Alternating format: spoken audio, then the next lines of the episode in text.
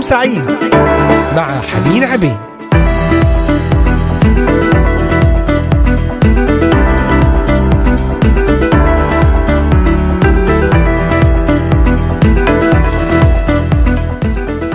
أهلا وسهلا بكم أحبائي المستمعين مستمعي ومتابعي إذاعة صوت الأمل في هذا البث الحي والمباشر. من هنا من الأراضي المقدسة. تحية لجميع من يستمعون إلينا من مختلف بلدان الشرق الأوسط بلدان أوروبا كندا أمريكا أستراليا. أجمل وأطيب ترحيب. ونحن في سلسلتنا ضمن الله ظهر في الجسد بمناسبة عيد الميلاد المجيد. تحية لكل من يستمع. عبر قناة اليوتيوب إذاعة صوت الأمل بث مباشر وعبر تطبيقات الهواتف النقالة Voice of Hope Middle East وعبر موقعنا الرسمي voiceofhope.com بإمكانكم الاستماع عبر تحميل تطبيق الإذاعة Voice of Hope وأيضا من خلال تطبيق TuneIn والبحث عن Voice of Hope Middle East. وأيضا الاستماع إلى هذه الحلقة وحلقات أخرى من برنامج نهاركم سعيد عبر منصات البودكاست أنغامي Spotify Deezer Amazon Music Castbox ومنصة Podvine تعالوا نبتدئ هذه الحلقة بالصلاة وطلب أن الرب يرشدنا بروحه القدوس لمعرفة الحق. أبانا الصالح المحب نشكرك يا رب على هذا اليوم. نشكرك على يوم جديد وفرصة جديدة نستمع إلى كلامك إلى تعاليمك افتح قلوبنا إلى الحق. افتح قلوبنا إلى ما يريد الروح القدس أن يقوله لنا ويعلنه. نصلي أن لا يكون مجرد كلام لكن يخترق قلوبنا وأذهاننا وأرواحنا باسم يسوع لتصل محبتك إلينا. لتصل نعمتك لتصل برحمتك إلينا يا رب. نصلي في هذا الوقت بينما نحن نستمع عن معجزاتك يا رب وعصمة المسيح وأيضا أمور أخرى. افتح القلوب يا رب افتح الأذهان. لكل إنسان بعيد يبحث عن الحق يبحث عن الطريق. اعلن له أنك أنت الطريق والحق والحياة. أيها العجيب المشير الإله القدير الأب الأبدي رئيس السلام. يا رب نصلي في هذا العيد عيد الميلاد وبداية السنة الجديدة يا رب. أنا كل اسم من أسمائك يستعلن في حياتنا في عجائب في قوات في استعلان قدرتك يا رب في ظروف مستعصية. لك المجد لك البركة لك الكرامة لك السجود لك الغنى باسم يسوع المسيح. آمين.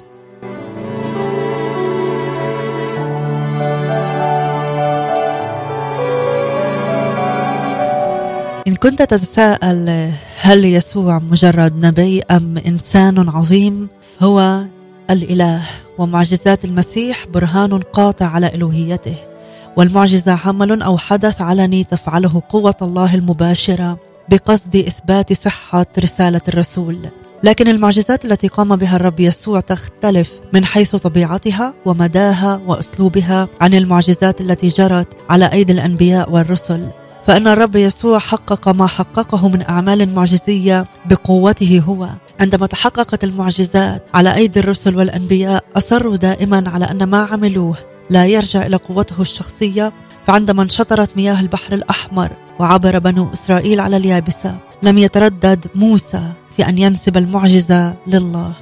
وعندما شفى الرسولان بطرس ويوحنا الرجل الأعرج الواقف عند بوابة الهيكل كان ردهما على تعجب الجموع التي شاهدت المعجزة. ما بالكم تتعجبون من هذا؟ ولماذا تشخصون إلينا كأننا بقوتنا أو تقوانا قد جعلنا هذا يمشي؟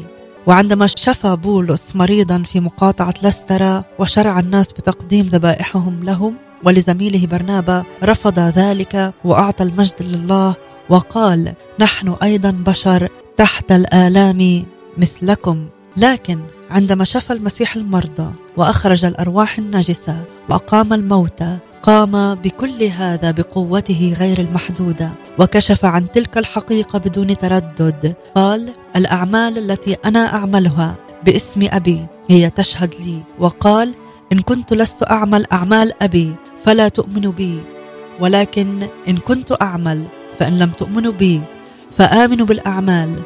لكي تعرفوا وتؤمنوا أن الآب في وأنا فيه وعندما جاء تلميذا يوحنا المعمدان ليسألا المسيح إن كان هو المسيح المنتظر أجابهما اذهبا وأخبرا يوحنا بما تسمعان وتنظران العمي يبصرون والعرج يمشون والبرص يطهرون والصم يسمعون والموتى يقومون والمساكين يبشرون. الله هو الذي نظم وأقر قوانين الطبيعة. وهو وحده يقدر أن يغيرها أو يعدلها كما يشاء. والمسيح أظهر قوته وعظمته وجلاله في كل مرة أجرى فيها معجزة مقدما بذلك برهانا ساطعا على ألوهيته. كان عدد المعجزات التي قام بها المسيح كبيرا جدا وقد سجل العهد الجديد حوالي أربعين منها. كانت بمثابة أمثلة لإبراز قوة المسيح الشافية وقدرته على إقامة الموتى وسلطانه على قوى الطبيعة. وهناك إشارات في الإنجيل إلى أن الكثير من معجزات المسيح لم تسجل. وآيات أخرى لم تكتب في هذا الكتاب. وإن كتبت فلا أظن أن كتب العالم كله تتسع لها. معجزات المسيح أثبتت أنه هو الله هو الله الظاهر في الجسد وأيضا مجد المسيح. على أي أساس يقوم مجد السيد المسيح؟ سوف نعرف ذلك بعد الفاصل. تعالوا نستمع إلى فريق برنامج مني الك يا عجيبا مشيرا.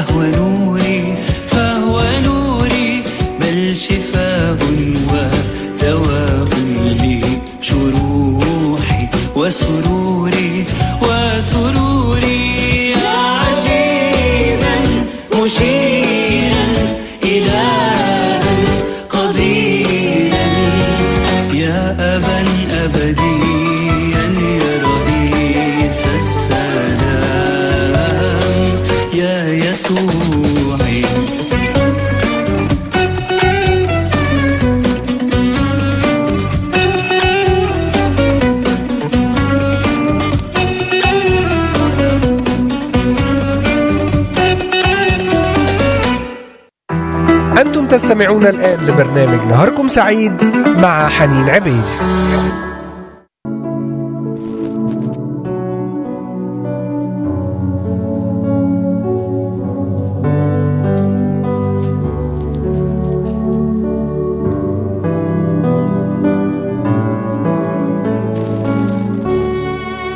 نعم عدنا إليكم بعد هذه الترنيمة. يا عجيبا مشيرا إلها قديرا.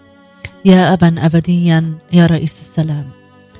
نتحدث في هذه الحلقة عن المسيح الفريد فريد في معجزاته كما ذكرنا في القسم الأول وفريد في مجده مجد المسيح. وسألنا سؤالا قبل الفاصل على أي أساس يقوم مجد الرب يسوع؟ يقول كتاب بعنوان أصول الإيمان يقوم مجد السيد المسيح على أساس قيامته من الأموات في اليوم الثالث وصعوده إلى السماء وجلوسه عن يمين الله الآب وعودته ليدين العالم في اليوم الأخير. لا يتوقف مجد المسيح وارتفاعه على طبيعته الإلهية التي هي الآن والتي كانت دائما مجده بل إن التمجيد يتعلق بطبيعته البشرية. لأن طبيعته الإلهية لا تتغير فهي غير قابلة للزيادة أو النقصان. أما تواضعه فكان مؤقتا بدأ بولادته وتم بدفنه ولا يمكن تكرار هذا على الإطلاق. أما ارتفاع الرب يسوع ومجده فإنه مستمر بدأ بقيامته وصعوده وما زال قائما حتى الآن. وهو جالس عن يمين الله الآب ويدير أمور ملكوته بصورة مستمرة.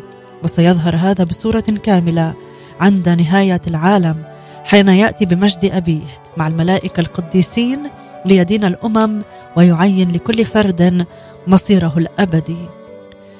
لم تكن قيامة الرب يسوع مجرد خطوة أولية لتمجيده بل كانت أيضا واحدة من أعظم حقائق الإنجيل. بهذا العمل انتصر على الموت وخرج حيا من القبر هذا هو البرهان على أن عمله الفدائي كان ناجحا تماما وكان انتصاره انتصارا تاما على الموت. وأظهرت أيضا أن عمله هذا قام بجميع مطالب العدالة الإلهية والشريعة التي سنها عند بدء الخليقة. أن النفس التي تخطئ يجب أن تموت فلم يعد للموت أي حكم عليه ولا على الذين يؤمنون به. من مات عنهم وافتداهم. برهنت القيامة أيضا على أنه ابن الله كما قال مساو لله للآب مساو لله الآب فهو الذي ظهر في الجسد وبما أنه تألم ومات ليس بسبب خطية ارتكبها بل كالقائد الذي ينوب عن شعبه. قيامته هي الضمان على أنه في الوقت المعين سيقيم شعبه المنتسب إليه انتساب حيا في قيامة مجيدة. لذلك يعني أن الإنجيل هو الحق وأن الشيطان قد انهزم ودحر نهائيا. انتصرت الحياة على الموت والحق على الكذب والباطل والخير على الشر والسعادة على البؤس. كل تلك انتصارات أبدية ودائمة كما قال الرسول بولس. وإن لم يكن المسيح قد قام فباطلة كرازتنا وباطل أيضا إيمانكم. آمين. المسيح قام وأقامنا معه. مجد المسيح في قيامته وصعوده إلى السماء. آمين آمين. هو الله الذي خلق وفي أعمال الخلق والعناية كان عمله كاملا. امتد عبر حقبة العهد القديم وحتى ولادة الرب يسوع في بيت لحم أما عمل الابن فقد اختص بعملية الفداء وبدأ بولادته في بيت لحم واستمر حتى يوم الخمسين.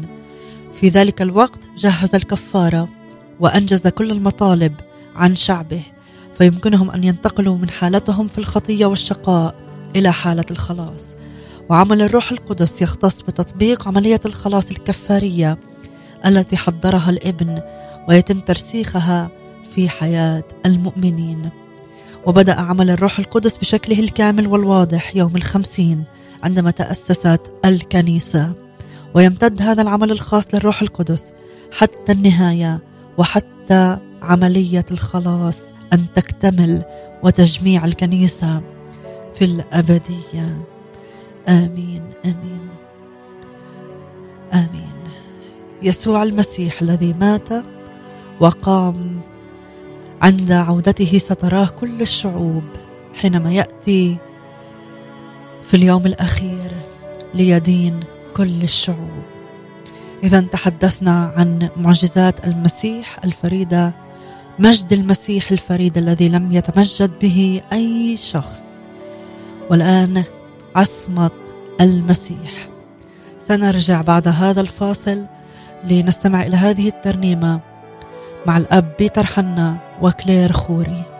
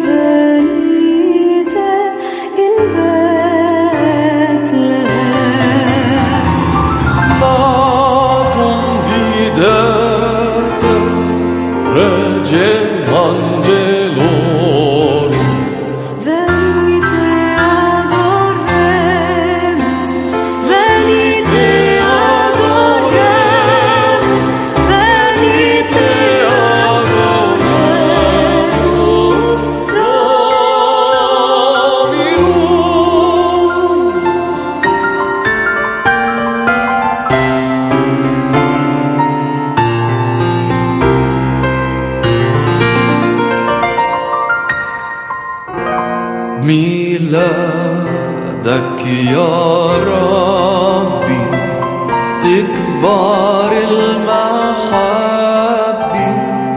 تمحى الخطايا بكل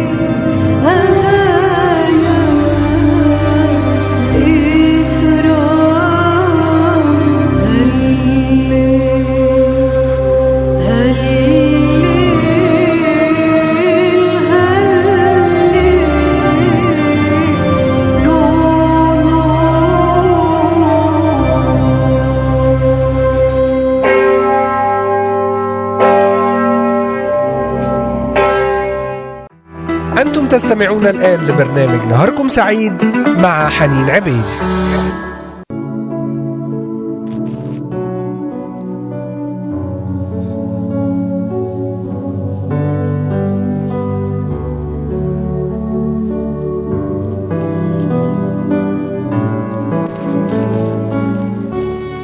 نعم أحبائي نتشارك في هذه الحلقة عن مجد الرب يسوع المسيح.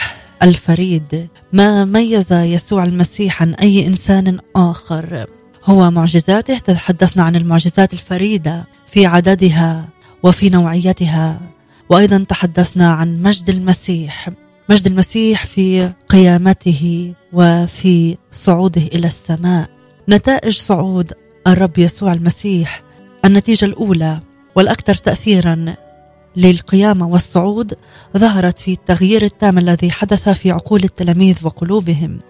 فمع أنهم بعد الصلب كانوا مثبتي العزم تماما ومع أنهم أوشكوا على فقدان الإيمان بالمسيح كالمسيح المنتظر فإنهم في ضوء القيامة اقتنعوا اقتناعا تاما أن مسيحهم الذي قام من الأموات هو ابن الله والمسيح الموعود به ومخلص العالم ولم يزحزحهم شيء عن هذا الاعتقاد فخرجوا يبشرون به في كل مكان وهم مستعدون أن يتألموا وأن يموتوا لأجل الإنجيل. وقد استشهد بعضهم في سبيل خدمتهم له. وانتهت حياة أكثر تلاميذ المسيح الاثني عشر بالاستشهاد لأجل مسيحهم. النتيجة الثانية لصعود المسيح هي الارتفاع إلى السماء والجلوس عن يمين الله الآب. يمين الله هو مركز الإكرام والتأثير والقوة والجلال. أخرج المسيح التلاميذ إلى بيت عنيا ورفع يديه وباركهم وفيما هو يباركهم انفرد عنهم وصعد إلى السماء. وبعد أن باركهم ارتفعوا وهم ينظرون وأخذته سحابة عن أعينهم وفيما كانوا يشخصون إلى السماء وهو منطلق إذا رجلان قد وقفا بهم بلباس أبيض وقالا أيها الرجال الجليليون ما بالكم واقفين تنظرون إلى السماء؟ إن يسوع هذا الذي ارتفع عنكم إلى السماء سيأتي أيضا كما رأيتموه منطلقا إلى السماء. صعد المسيح كالإله المتجسد. صعد وكان صعوده منظورا رآه التلاميذ يرتفع تدريجيا عن الأرض حتى حجبته سحابة عن عيونهم. انتقل إلى مكان آخر إلى السماء. السماء هي مكان مكان. نعم السماء هي موطن الرب يسوع هي عرشة هي هيكلة. الصعود أو الارتفاع شكلا الوجه المقابل لنزوله إلى الأرض. آمين آمين. وأيضا سوف نتحدث عن النتيجة الثالثة هي جلوسه عن يمين الله. من هناك يوجه أمور ملكوته ويحافظ على نظامه بالكامل ولكي يكون حكم وساطته ناجحا تماما. أعطى حكما مطلقا قال عنه عندما كلف تلاميذه بتبشير العالم. دفع إلي كل سلطان في السماء وعلى الأرض. وقال عنه الرسول بولس لأنه يجب أن يملك حتى يضع جميع الأعداء تحت قدميه. والنتيجة الرابعة هي مجيء المسيح الثاني بقوة ومجد عظيم ليدين كل العالم. سيظهر في الجسد الممجد الذي قام به محاطا بالملائكة وسيجلس على عرش مجده وستنظره كل عين فيعلن للناس جميعا خبر ثوابهم أو عقابهم النهائي. هو الذي سيدين هو الذي سيحكم. ثم يسلم الملكوت للآب ويستعيد ويرجع إلى المكان الذي كان فيه ليشترك بالمجد الذي كان له مع الآب قبل إنشاء العالم. آمين آمين. ماذا عن عصمة المسيح؟ سنعرف ذلك. بعد الفاصل لكن دعوني أشارككم بهذه الجملة قبل الفاصل. عصمة المسيح هي العمود الفقري لإثبات مؤهلاته ليكون وسيطا بين الله الآب والناس. فلو أنه أخفق ولو في زلة واحدة خلال حياته على الأرض لتهدم كل البناء الذي جاء ليقيمه. فعصمته هي الدليل على أنه ذو طبيعة إلهية. سنكمل في الحديث عن عصمة المسيح بعد هذه الترنيمة مع نزار فارس. هلل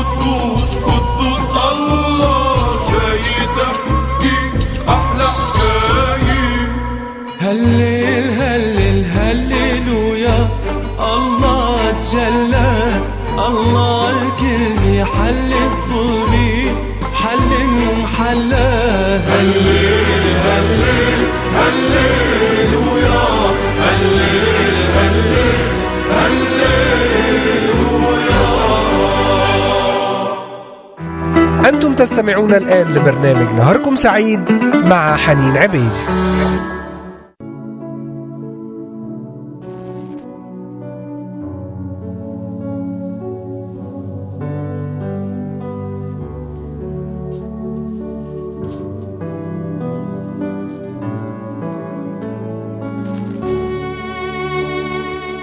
نعم أحبائي نتحدث في هذه الحلقة عن المسيح الفريد. فريد في معجزاته وفريد أيضا بكلامه وفريد في مجده. ووصلنا إلى نقطة أيضا الفراد التي في المسيح في عصمته. فعصمة المسيح كما ذكرنا قبل الفاصل هي العمود الفقري لإثبات مؤهلاته ليكون وسيطا بين الله والناس. فلو أخفق ولو أخطأ حتى لو زلة وخطية واحدة خلال حياته على الأرض لتهدم كل البناء الذي جاء ليقيمه. فعصمته هي الدليل على أنه ذو طبيعة إلهية وعلى أنه الإنسان الصالح الوحيد الذي بمقدرته المبنية على الطهارة والكمال تمكنه من عمل الفداء وحمل عقاب الآخرين. إضافة إلى ذلك فإن قيامة المسيح من الموت ما كانت لتحدث اطلاقا لو لم يتمتع بتلك العصمة المطلقة. وهذه الحقائق من أكثر إعلانات الإنجيل نصاعة ووضوحا. وتفترض نبوات العهد القديم أن يكون المسيح تقي الله الذي لم يرى فسادا وأن يكون عمانوئيل المولود من العذراء وهو الذي يرفض الشر ويختار الخير كما جاء في أشعياء الأصحاح السابع. وهو العبد الذي يعقل يتعالى ويرتقي ويتسامى جدا بجراحه بحبره شفينا والرب وضع عليه إثم جميعنا على أنه لم يعمل ظلما ولم يوجد في فمه غش هو البار. وقد بشر الملاك العذراء مريم بأن المولود منها هو القدوس ابن الله. ولم تكن الشهادة لعصمة المسيح في الوحي الإلهي في الكتاب المقدس مجرد تصريحات بل كانت مدعمة بحقائق ملموسة وظاهرة للعيان وموضوعية بدرجة أذهلت معاصري الرب يسوع. واندهش كثيرون من معجزاته فاعتقدوا أن ذلك هو السبب الوحيد الذي جعل الجموع تتبعه وتؤمن به. صحيح أن الأغلبية الساحقة بين الذين تبعوا يسوع في مطلع خدمته اجتذبتهم القوة الخارقة التي سيطر فيها على العوامل الطبيعية لكن الواقع أن ذلك لم يكن العامل الوحيد لاجتذاب أتباعه ورسله الذين التصقوا به وكرسوا حياتهم لخدمته. كان لأخلاقه لمعان وطهارة وكان لأسلوب ودوافع حياته أعظم الأثر على هؤلاء. بل لعل ذلك هو العامل وراء حياة الطهارة والقداسة التي عاشها ملايين المسيحيين عبر الأجيال. ولم تأتي الشهادة لعصمة المسيح من ملائكة الله والمؤمنين فحسب بل أيضا من بعض أعدائه. فيهوذا الخائن ندم على خيانته وألقى بنقود شيوخ الكهنه على الأرض وقال لقد أخطأت إذ أسلمت دما بريئا. وزوجة بيلاطس التي أزعجها حلمها عن القبض على يسوع وتسليمه لسلطان زوجها قالت لبيلاطس زوجها إياك وذلك البار. وبيلاطس نفسه إذ أدرك سمو المسيح وطهارته قال لليهود إني بريء من دم هذا البار. وأحد الاثنين اللذين صلبا معه إذ أدرك براءة المسيح وطهارته قال أما نحن فبعدل لأننا نلنا استحقاق ما فعلنا. وأما هذا فلم يفعل شيئا ليس في محله. وقائد المئة الذي أشرف على صلبه أذهله سمو المسيح الأخلاقي فقال حقا كان هذا ابن الله. ولا تقل شهادة المؤمنين والرسل لعصمة المسيح عن تصريحات هؤلاء خاصة وهم الذين تقربوا إليه. وتعرفوا على ما قد نسميه حياته الخاصة. وهم بالطبع أول من تقع عليهم المسؤولية مسؤولية الرد على ادعاءات المعارضين. فكان لزاما عليهم أن يكونوا الأكثر حرصا على عدم التورط في تصريحات أو أقوال يستغلها الأعداء ليبرهنوا ضلالهم. آمين.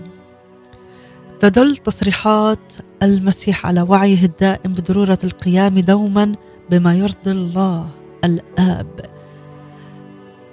نراه يجرب من الشيطان قبل أن يبدأ في الخدمة. جرب في ثلاثة نواحي لكنه انتصر عليها جميعا بالمكتوب. بالمكتوب. رد على إبليس وقهره بعد كل تجربة. من أدلة البارزة على عصمة الرب يسوع ما قال هو في مواجهته للقيادة الدينية التي بنت حياتها على تقوى خارجية منافقة زائفة. فبعد أن قال لهم إنهم ينتسبون إلى إبليس الكذاب والقتال وأنهم ينفذون شهواته الشريرة وتحداهم مشيرا لعصمته ولتلك الهوة الأخلاقية والروحية الساحقة. التي تفصله عنهم فيقول من منكم يبكتني على خطية؟ والمسيح هنا لم يكن يقصد التمييز بين كماله وعصمته وبين شر وفساد ورياء هؤلاء القادة فحسب بل أنه طرح وبدون تردد حقيقة تميزه عن كافة البشر بذلك الكمال وتلك العصمة. صحيح أن يسوع في تجسده خضع لكافة مغريات وتجارب السقوط في العصيان التي يتعرض لها البشر لكنه هو وحده لم يسقط لم يكن من الممكن أن يفشل. كان من المستحيل أن يرتكب خطية لأنه وهو في طبيعة بشرية محدودة. كان لا يزال يتمتع بطبيعة إلهية. والله لا يمكن أن يرتكب خطا. الله لا يمكن أن يرتكب خطأ. عصمة المسيح. المسيح فريد في عصمته. تعالوا نرنم هذه الترنيمة. هللويا. فرح ونعود لنختتم هذه الحلقة.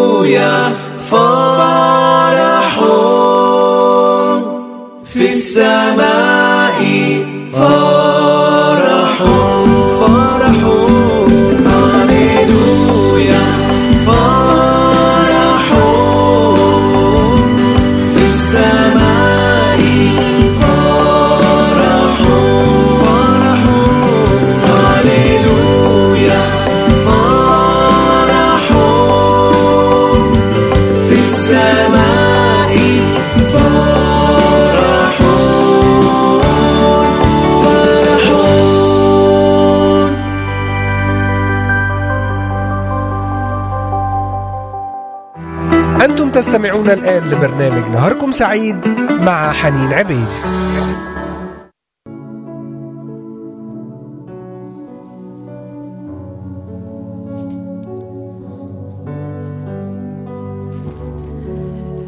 نعم أحبائي في ختام هذه الحلقة بعنوان المسيح الفريد. تحدثنا عن فرادته في معجزاته في مجده وفي عصمته. معجزات المسيح التي أثبتت أنه هو الفريد. لم يصنع معجزات قد سبق فصنعها أحد من قبله. تفرد في معجزاته. معجزاته كانت دليل قاطع على أنه هو الله. في مجده أيضا القيامة والصعود إلى السماء صعد بمجد عظيم. وعصمته من منكم يبكتني على خطية. شهد له كثيرون من معاصريه من تلاميذه حتى أعدائه شهدوا أنه بار. رأينا كل هذا في الحلقة. المسيح فريد في معجزاته في مجده وفي عصمته. افتح قلبك لهذا المسيح اليوم لهذا المخلص الذي أتى لخلاصك وفدائك. يتحدث بولس عن اتضاع المسيح في رسالة فيلبي الأصحاح الثاني آيات رائعة عن اتضاعه يقول فليكن فيكم هذا الفكر. هذه الآية الخامسة فليكن فيكم هذا الفكر الذي في المسيح يسوع أيضا الذي إذ كان في صورة الله لم يحسب خلصة أن يكون معادلا لله. لكنه أخلى نفسه آخذا صورة عبد صائرا في شبه الناس وإذ وجد في الهيئة كإنسان. وضع نفسه وأطاع حتى الموت. وضع نفسه في ميلاده وضع نفسه في حياته. أي تواضع. هذا الملك العظيم الذي كان في السماء في العرش الملوكي. وضع نفسه وأتى إلى العالم إلى مذوذ حقير. وأطاع حتى الموت موت الصليب. لذلك رفعه الله أيضا وأعطاه اسما فوق كل اسم لكي تجثو باسم يسوع. كل ركبة من من في السماء ومن على الأرض ومن تحت الأرض ويعترف كل لسان أن يسوع المسيح هو رب لمجد الله الآب. صلي أن تجثو على ركبتيك وأن يعترف قلبك ولسانك في هذا الميلاد أن يسوع المسيح هو الرب لمجد الله الآب. هو اتضع اخذا صورة عبد اخلى نفسه. اخذا جسد بشر مثلنا لكي يقيمك من خطيتك هل تسلم له حياتك؟ إن كنت لم تفعل ذلك من قبل بإمكانك الآن أن تقول يا رب يسوع تعال إلى حياتي إلى قلبي. اغفر خطيتي. واعطني حياة أبدية. أعطني أن أعيش بقية أيامي مكرسا لك شاهدا عن حبك. آمين. يا رب نصلي من أجل كل من استمع إلينا في هذه الحلقة. أن تبارك وتختم كلامك بروحك القدوس باسم يسوع. آمين. آمين. آمين. أحبائي إلى هنا نختتم حلقتنا ونكون مع ترنيمة لو مستني ميلاد جديد. وللتنويه سنكون في عطلة بمناسبة الميلاد المجيد من يوم غد ونعود إليكم بنعمة الرب للبث المباشر يوم الثلاثاء. ميلاد مجيد وكل عام وأنتم بألف خير. لكم مني حنين عبيد أجمل وأطيب تحية. باسم يسوع المسيح نهار سعيد ومبارك ومليء بالفرح. كل عام وأنتم بخير. تعالوا نختتم مع لو مستني ميلاد جديد ونكمل في بقية برامجنا لهذا اليوم. إلى اللقاء.